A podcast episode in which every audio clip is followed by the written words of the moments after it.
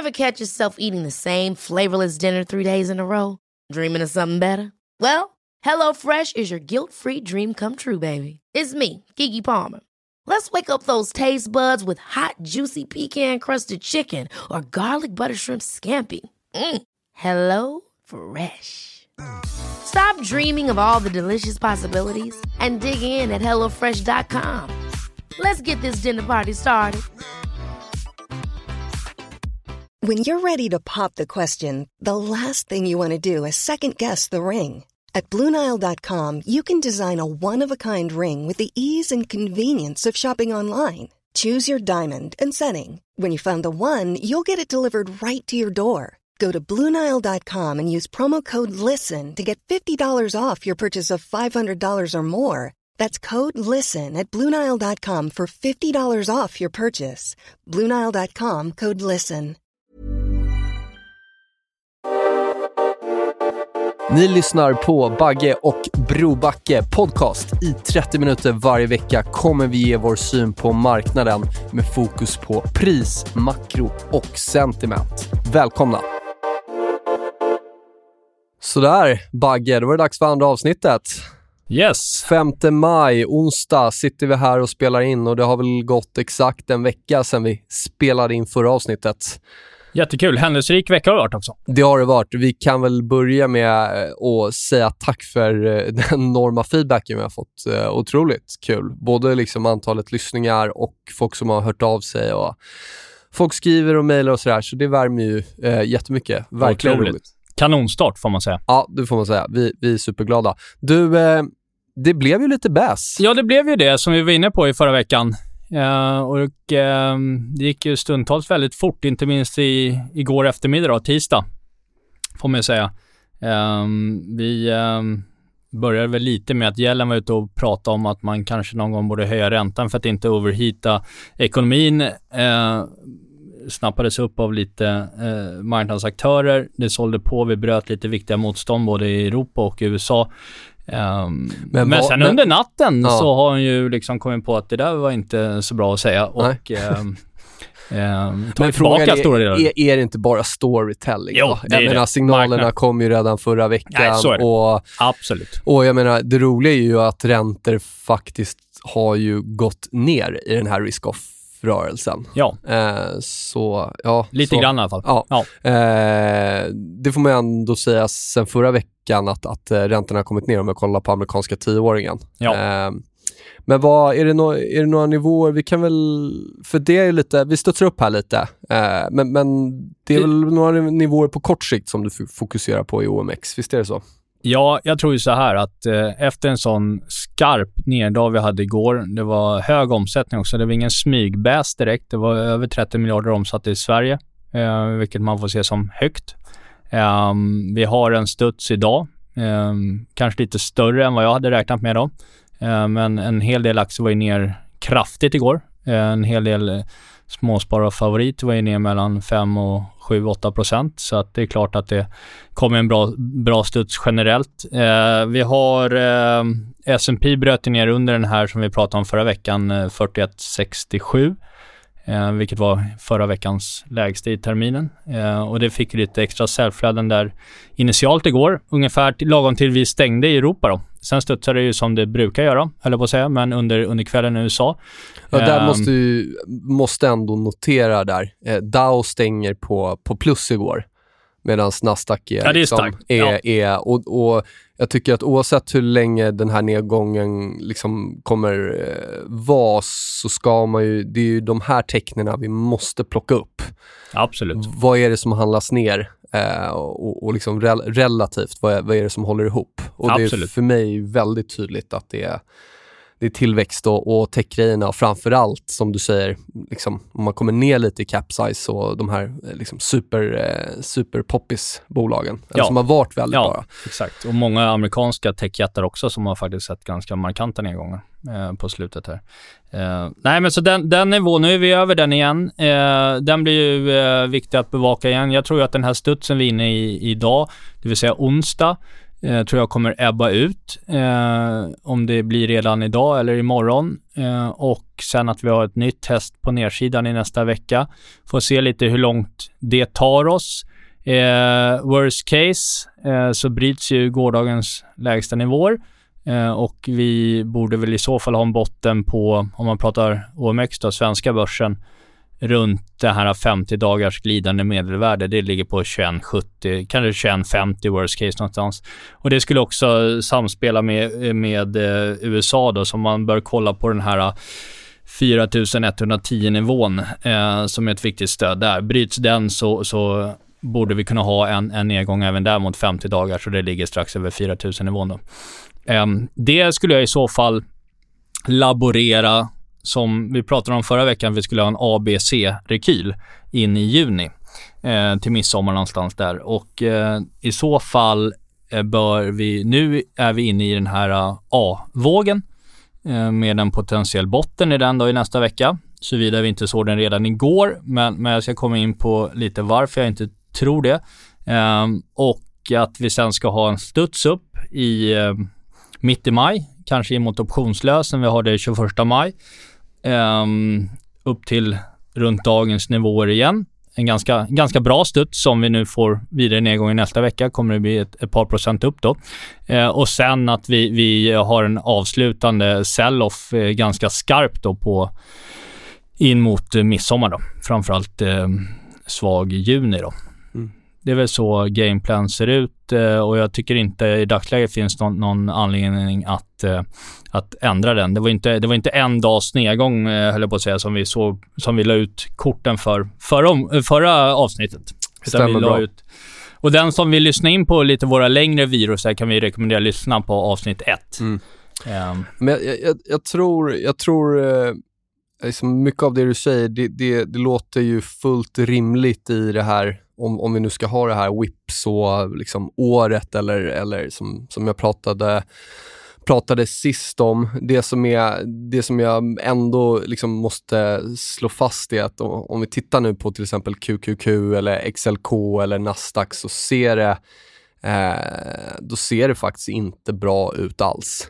Eh, går vi ännu längre ner i, i eh, eh, i eh, liksom, eh, capsize och kanske det ännu mer populära. Det var två grejer vi pratade om sist. IPO, ETF, Renaissance och eh, eh, Green Energy. Eh, det hamrar ju verkligen på lägsta nu. Mm. det här kommer ju inte från ett all time high utan det var ju redan ner 25 30% innan den här rörelsen. Då. Mm. Så några utav de här väldigt populära tillgångarna, de börjar se riktigt, riktigt, riktigt svaga ut. Då. Mm. Eh, så jag tycker inte att det varit läget att, att vara kort kanske tech innan, men nu, alltså om inte om inte QQQ tar tillbaka den där 336 så eh, då, då är det nästa blankning i min bok som jag lägger på. Mm, intressant. Eh, ja. Eh, några av de förändringarna som jag gjorde förra veckan då, eh, om du kommer ihåg, eh, kortade high yield, mm. tog in lång dollar mot SEK, mm. Eh, ja, pl plockade av mycket av eh, aktieexponeringen och framförallt stängde helt short volatilitet. Mm. Eh, och det var ju skönt. Det var ju bra efter gårdagens volatilitet. Kan man lugnt säga. Och, och, och, det är det där väl Eh, det är väl där man se, vill se liksom effekterna av, av den här riskspridningen. Jag tror ju att det här året kommer vara extremt viktigt att vara aktiv. Jag tror att det kommer vara extremt frustrerande att vara liksom long only eller buy and hold Då sitta på händerna eller sitta, sitta still i båten. Ja, speciellt om du får då det här nedstället in i sommaren. Så är det. Och det har liksom redan kostat att köra på 2020 års modell, vara övertiltad mot tillväxt och tech. Du har redan tappat mm. många procent i relativ performance. Mm. Och ska vi nu dessutom börja få lite nedgångar, mm. eh, då kommer nog det gapet då eh, öka. Då. Mm. Så jag tycker att det är såna här dagar som igår när det säljer på, det är då man ser var de svaga händerna verkligen är. Då. Ja, nej men så är det. Och um Nej, jag hade ju själv min eh, bästa dag på ett år i min privata eh, tradinglåda. Det är ju roligt. Fantastiskt. Ja, fantastiskt kul. Ja, eh, jag, men... jag, stängde faktiskt det mesta mot, mot stängningen där, för jag tänkte att det kunde studsa upp lite grann. Så att, eh, ja, men det gjorde du ju. Sikta på att ta Tom, Tom det vart lite här när jag kände att det började toppa ut. Jag tror, jag tror eh, liksom jag tittade på några några sektorer igår. Vilka var det som drabbades då? Jo, men vi har tech, vi har communications, consumer discretionary. Men tittar vi på till exempel eh, finans och material och energi så var det i princip oförändrat då, till och med plus. Eh, så återigen, vi, vi, får liksom bevisen. Jag vet att du hade ju kollat lite på, eh, på healthcare va? i Europa. Ja, och den, där om man, om man sätter den healthcare-sektorn i relation till Stock 600 då, eh, i någon form av spreadgraf, eh, då det man får ut då är ju att det känns egentligen som en stor eh, bottenformation generellt i hälsovård. Eh, och det där eh, och det, det, det sam, vi har ju det omvända då om man tittar på cyklisk adrenalin som vi var inne på, på förra gången. Så att folk eh, börjar eh, nog fundera lite på att eh, positionera sig mer mot den defensiva sidan, vilket också faktiskt har varit de, eh, de aktier och sektorer som har gått relativt bäst under senaste månaden också när börsen har stått mer eller mindre still här nu i, under hela april. Um, så att det, det, har ju faktiskt betalat sig um, riktigt bra. Vi har ju haft många svenska verkstadsbolag exempelvis som har redan nu är ner mm, 10-15% mm. från highs. Mm, mm. uh, Medan du har typ ett AstraZeneca eller liknande som är upp under samma period. Så det... Jag såg även en annan eh, liten defensiv sektor, consumer staples det var ju en ratio som vi pratade om sist och den där har faktiskt börjat studsa ganska bra. Just consumer staples mot eh, S&P 500, mm, Spider. Mm. Eh, så också en sån liten eh, risk-off-signal då. Eh, får vi se hur långt den där tar sig uppåt. Något annat som jag tycker är lite oroväckande Eh, sentiment är ju väldigt svårt, men vid extremer så är det väldigt användbart. Och något jag noterar är att eh, kortsiktiga spekulanter i DAX och då är det framförallt retail som jag tittar på. Tittar på ett par olika retailmäklare. Eh, varför det är intressant det är för att jag det är, det är dels en tidshorisont där många är överleverade, kanske för mycket hävstång och, och, och, för lite pengar på kontot och det dras mycket stoppar och mycket liksom margin calls.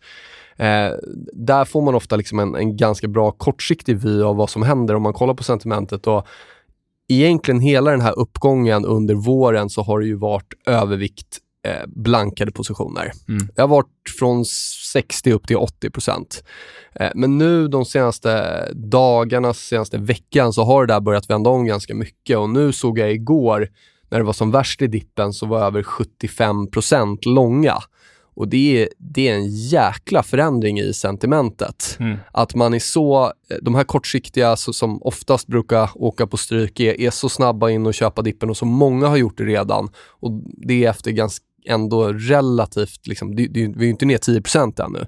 Nej, så är det, det så, är... så och, och, då när argumenten kommer eller man säger liksom, ah, men nu kan det inte gå ner mer eller när ska det vända, liksom, om det är så nu redan och 75% redan är långa, hur blir det då om vi har 2, 3, 4, 5 ner till då?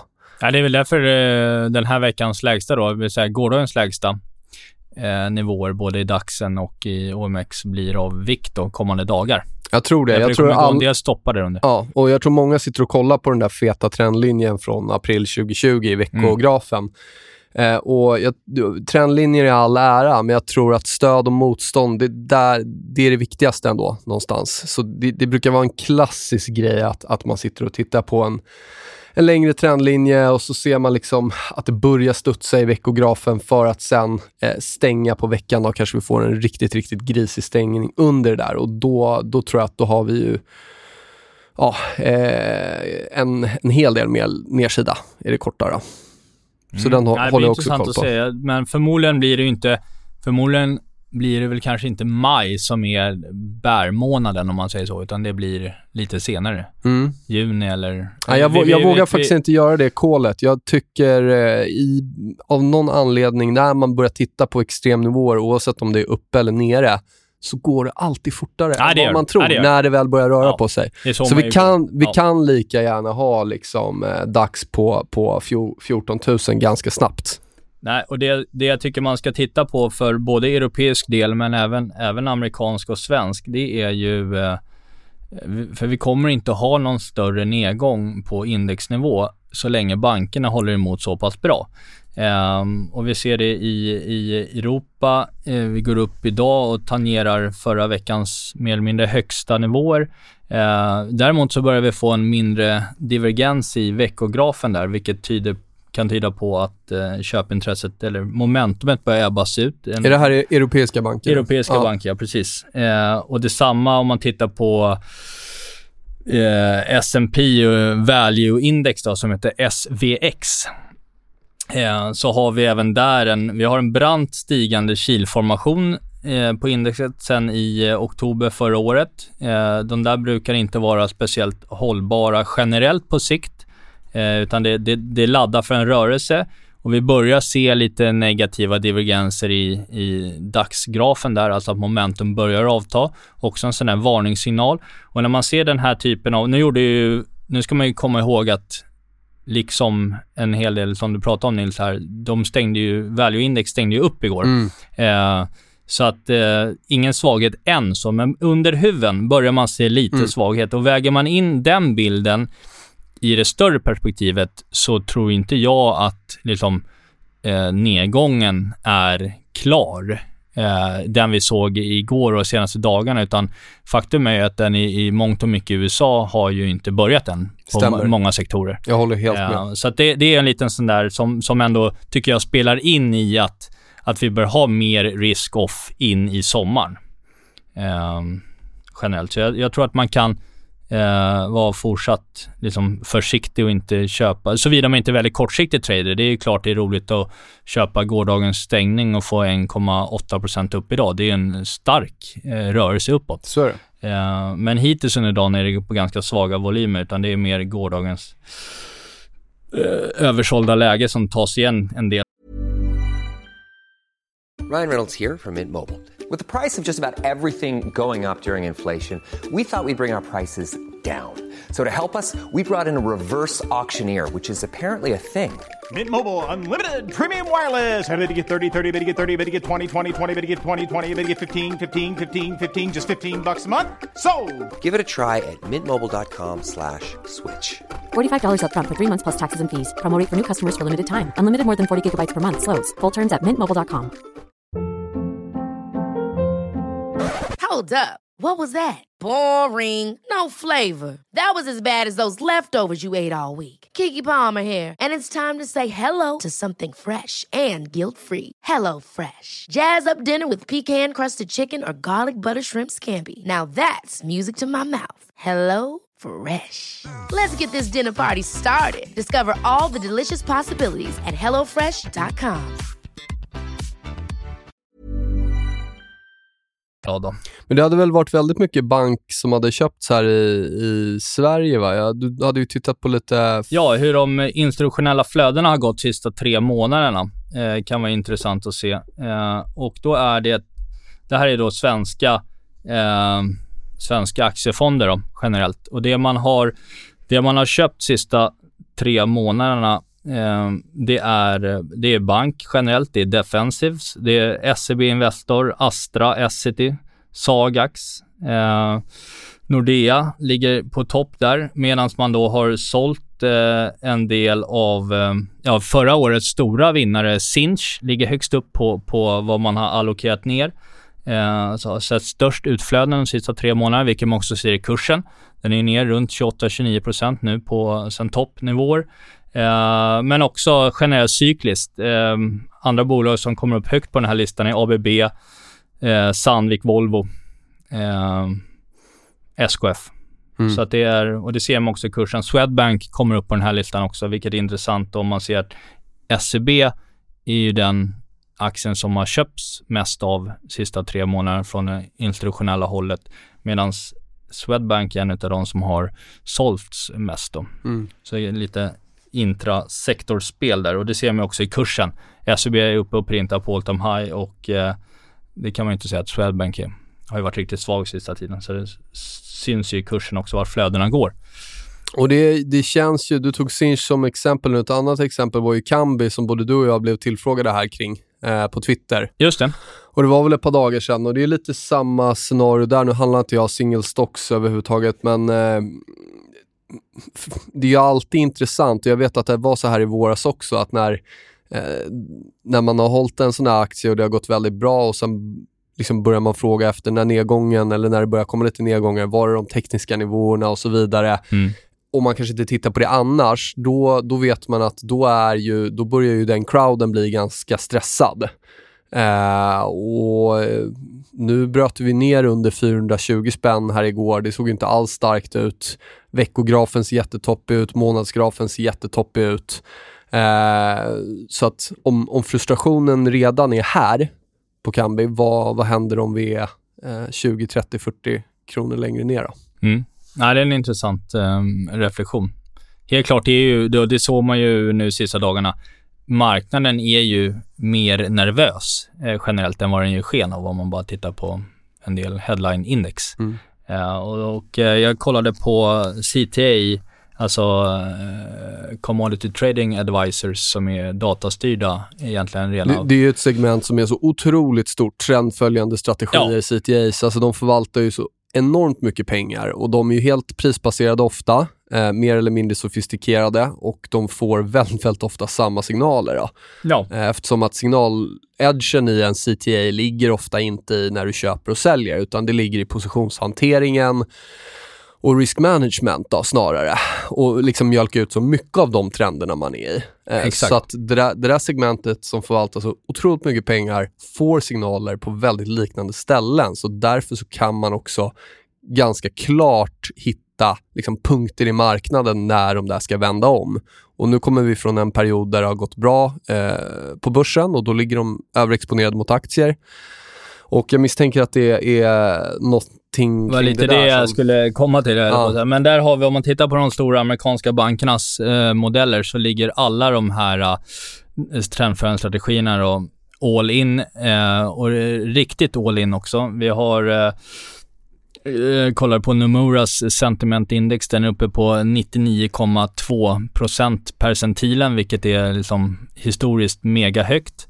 Um, och tittar man när vi är så pass stretchat i sentiment och med CTA-positionering så har um, avkastningen de kommande tre månaderna för S&P varit minus eh, 2,1 procent och de följande eh, sex månaderna varit minus 4. Det är ju en så kallad turtle soup. Ja, Det vill säga de gamla turtle tradersarna som var trendföljande. När de får signalen, det var ganska kul, vi hade exakt en sån signal 30 oktober i höstas, fast Mm. på nedsidan. Då hade CTAs gått ga- ganska kort. Eh, och då fick du verkligen den där motrörelsen. Då. Ja. Eh, och då ska ju det vända om alla de där volymerna och då går det väldigt, väldigt snabbt åt andra hållet. Då. Ja, och därför är det också viktigt att i marknaden generellt hålla koll på eh, volatiliteten och främst då VIX-index som är volatiliteten på S&P. Därför att det är volatiliteten som styr mycket av de här value at risk-modellerna, hur mycket exponering de får ta i sina böcker. Ehm, och ehm, vi såg ju det här sista flödet in i CTAs när vi bröt ner genom den här 20-nivån på, på VIXen tidigare under, under vintern här. Eh, men just nivån 20 på VIX då, just, nu nu är vi på 18,5, vi var uppe över 20 igår. Men när vi ser en ökad volla i marknaden så kommer det kommer en deleveraging från många av de här modellerna ut då. Eh, vilket gör att skulle vi ha ett brott över 20 igen här i närtid, exempelvis ja, säg fredagens jobbrapport som kommer nu i slutet av den här veckan. Om den tolkas, om den är väldigt stark så kan marknaden börja prisa in att eh, ord eh, faktiskt låg någonting i. Ehm, det, just 20-nivån är en väldigt, det är både stöd och, och motstånd viktig nivå sen det här året och även tillbaka längre bak i tiden också. Men då kommer vi se, får vi en mer eller mindre etablering över 20 kommande dagar, då kommer vi se en fortsatt deleveraging och jag tror ju att eh, där någonstans på ytterligare 3, 4, 5 procent ner eh, på börsen, då ska man ju vara kortsiktig köpare för, Mm. för en, en studs då in mot mitten av maj. Då. Den VIX-inputen, det är ju inte bara CTAs trendföljande utan det är även hela risk parity-komplexet som är ytterligare Absolut. ett gigantiskt eh, liksom, eh, förvaltningskomplex som också eh, är som ökar. Så fort vollen sjunker så ökar man leveragen eh, och så fort den ökar så minskar man den. Så det blir ganska det, det, blir, det är stora volymer in och ut. Ja. Eh, på, på, ganska små förändringar i VIX ja. faktiskt. Nej, så är det.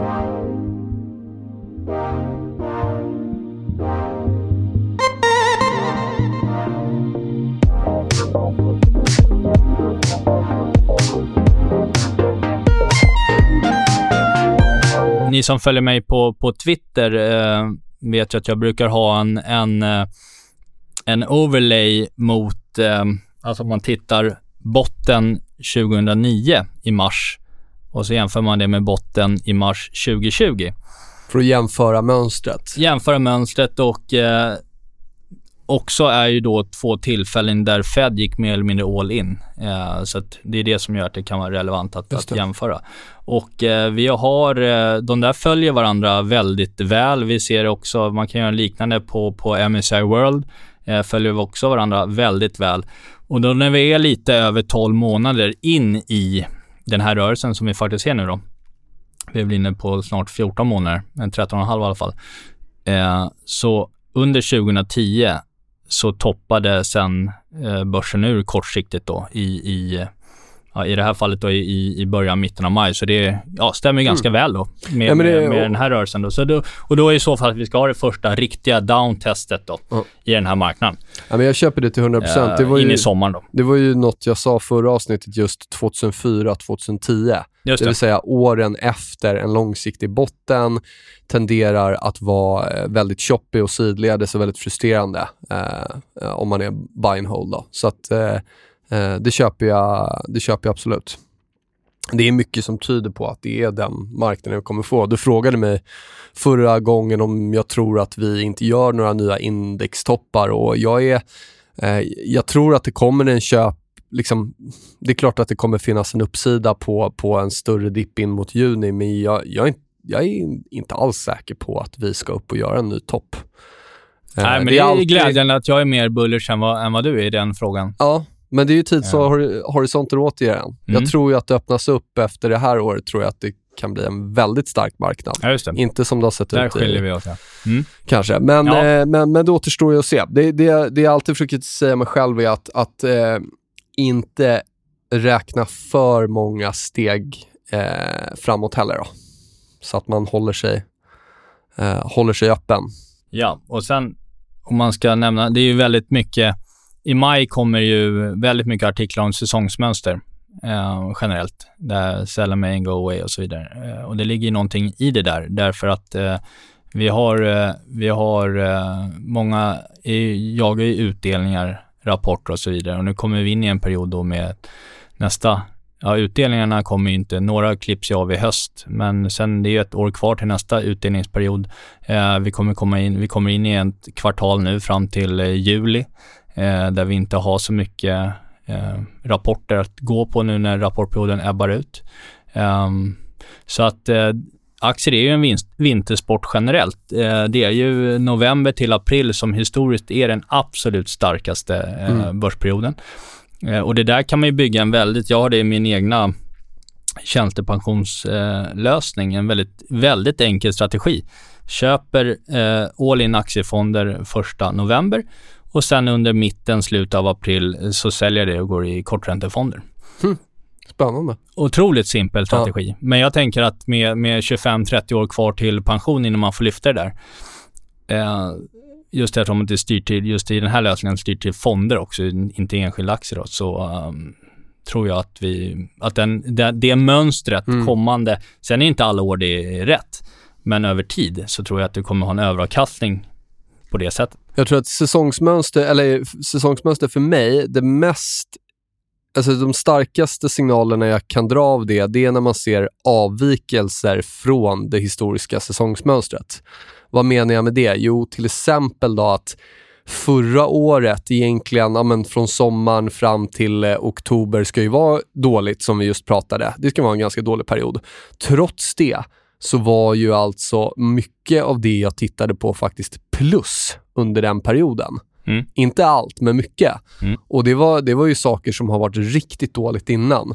Så att, att marknaden inte var ner och att saker som har varit dåligt innan, att det faktiskt var liksom på noll eller till och med plus under de här historiskt dåliga månaderna, det gav mig ytterligare liksom köp eh, konfidens in i slutet av oktober, november. Mm, mm. För då har du ändå avvikit från det historiska mönstret. Så det, ja, och då sen när det bra mönstret ska komma, då, ja, och då såg vi hur det gick sen. Det blev ja. superbullish. Så ja. att, det är verkligen något jag skulle hålla fram. Det kan vi säga nu också, att skulle vi se att vi inte handlar svagt här, då, då, då måste man ju ta det som ett underliggande tecken att det, det är en enorm köpstyrka i marknaden.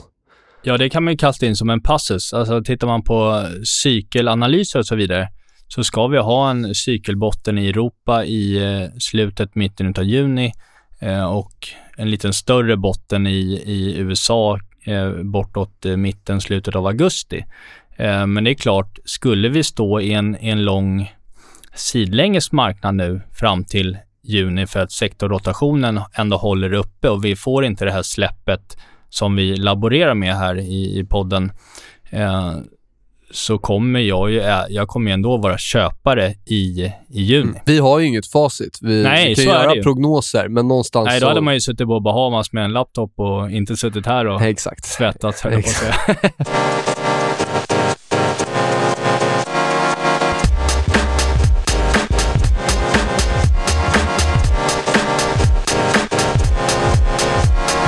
Vissa blir frustrerade när jag, eh, när jag påtalar återigen här, nu har jag en graf på skärmen framför oss som bara tittar på årets performance när det gäller energi, finans och tech.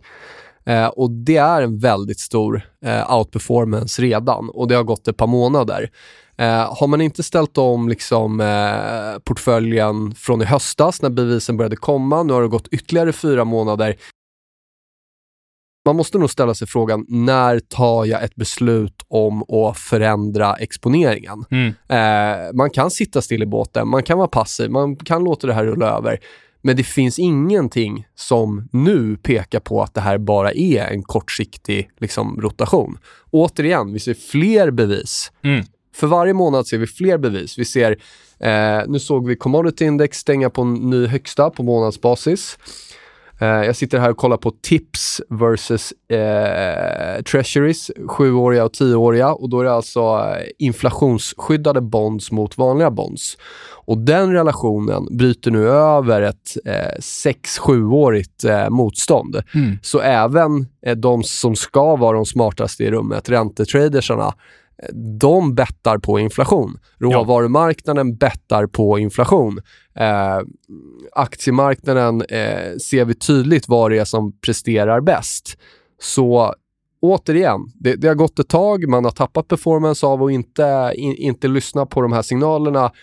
Men om det här är en långsiktig trend som vi pratade om sist, om mm. det är tre år, fem år eller tio år som kommer, då måste man ju fortfarande, eh, liksom, då har man fortfarande massa möjlighet att, att, att börja skruva om det här. Då. Ja, jag, vi pratade om det förra gången, men, men hela 2021 och in i 2022 på 12 månaders sikt här eh, bör helt klart vara, vara ett value-år på börsen. Fort, eh, fortsatt. Vi, vi, eh, och det var ju framförallt i eh, Pfizer eh, Eh, eller Moderna, eh, måndagen där den 9 november där det ställdes mot sin spets. Eh, långräntorna började gå, eller började, långräntorna i USA började faktiskt vända upp redan i augusti där. Men, men eh, tog ju, hela traden tog en väldig fart där efter vaccinnyheterna i november.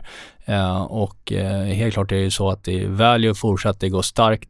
Eh, OMX är bland de bästa indexen i världen, om inte det bästa indexet i världen i år. Eh, förutom eh, Mongoliet tror jag som är upp 100% men, men det är nog ganska illikvitt skulle jag väl tro. Och ganska eh, råvarudrivet va? Ganska råvarudrivet, ja exakt.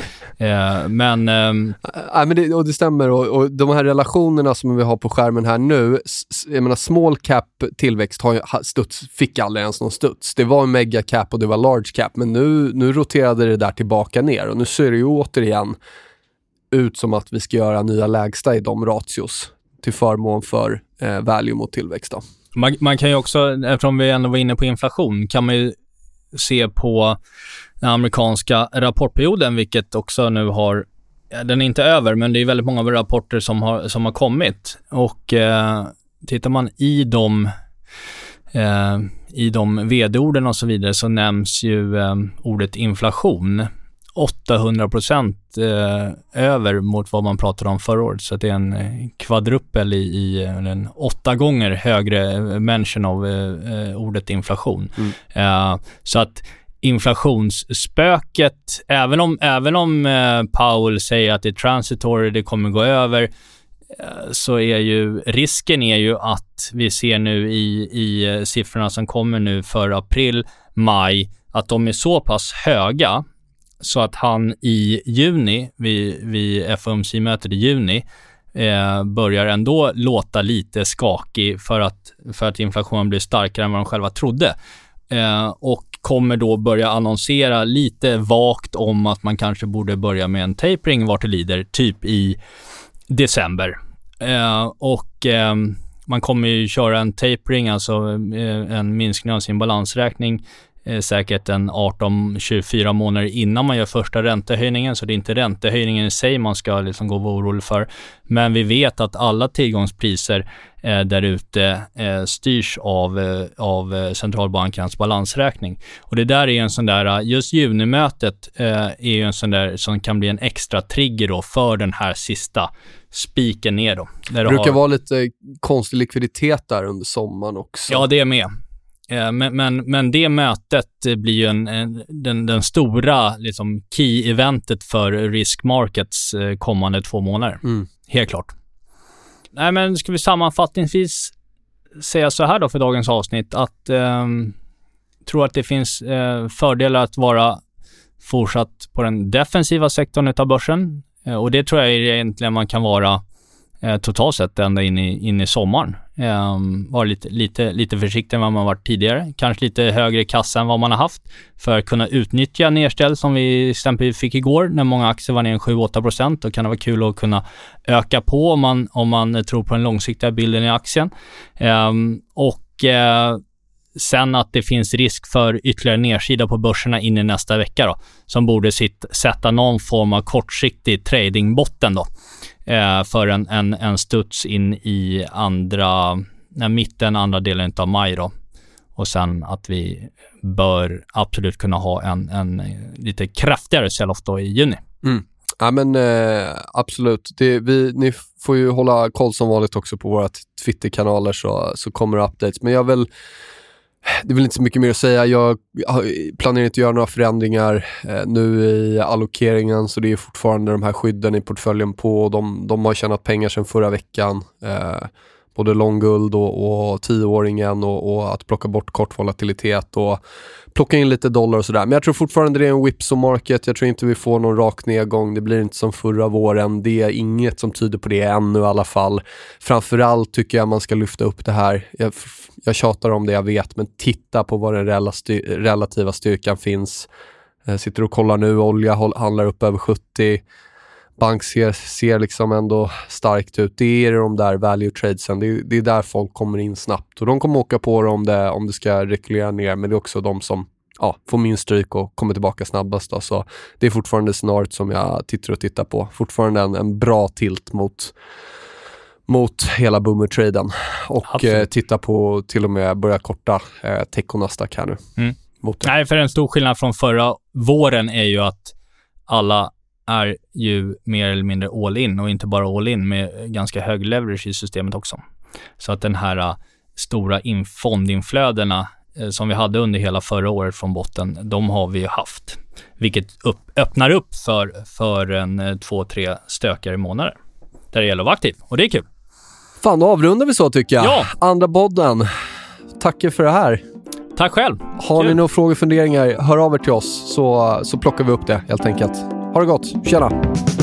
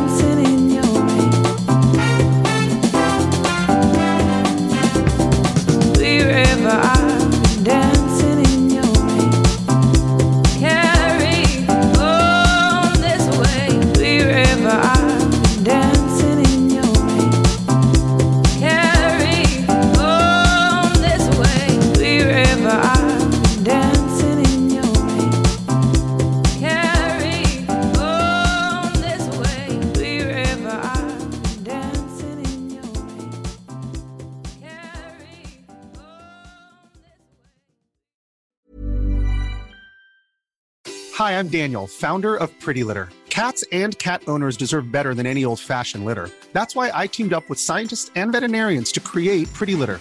Its innovative crystal formula has superior odor control and weighs up to 80% less than clay litter.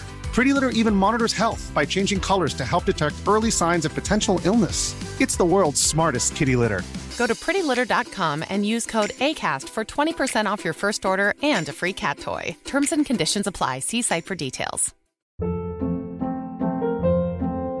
Hold up. What was that? Boring. No flavor. That was as bad as those leftovers you ate all week. Kiki Palmer here, and it's time to say hello to something fresh and guilt-free. Hello Fresh. Jazz up dinner with pecan-crusted chicken or garlic butter shrimp scampi. Now that's music to my mouth. Hello Fresh. Let's get this dinner party started. Discover all the delicious possibilities at hellofresh.com.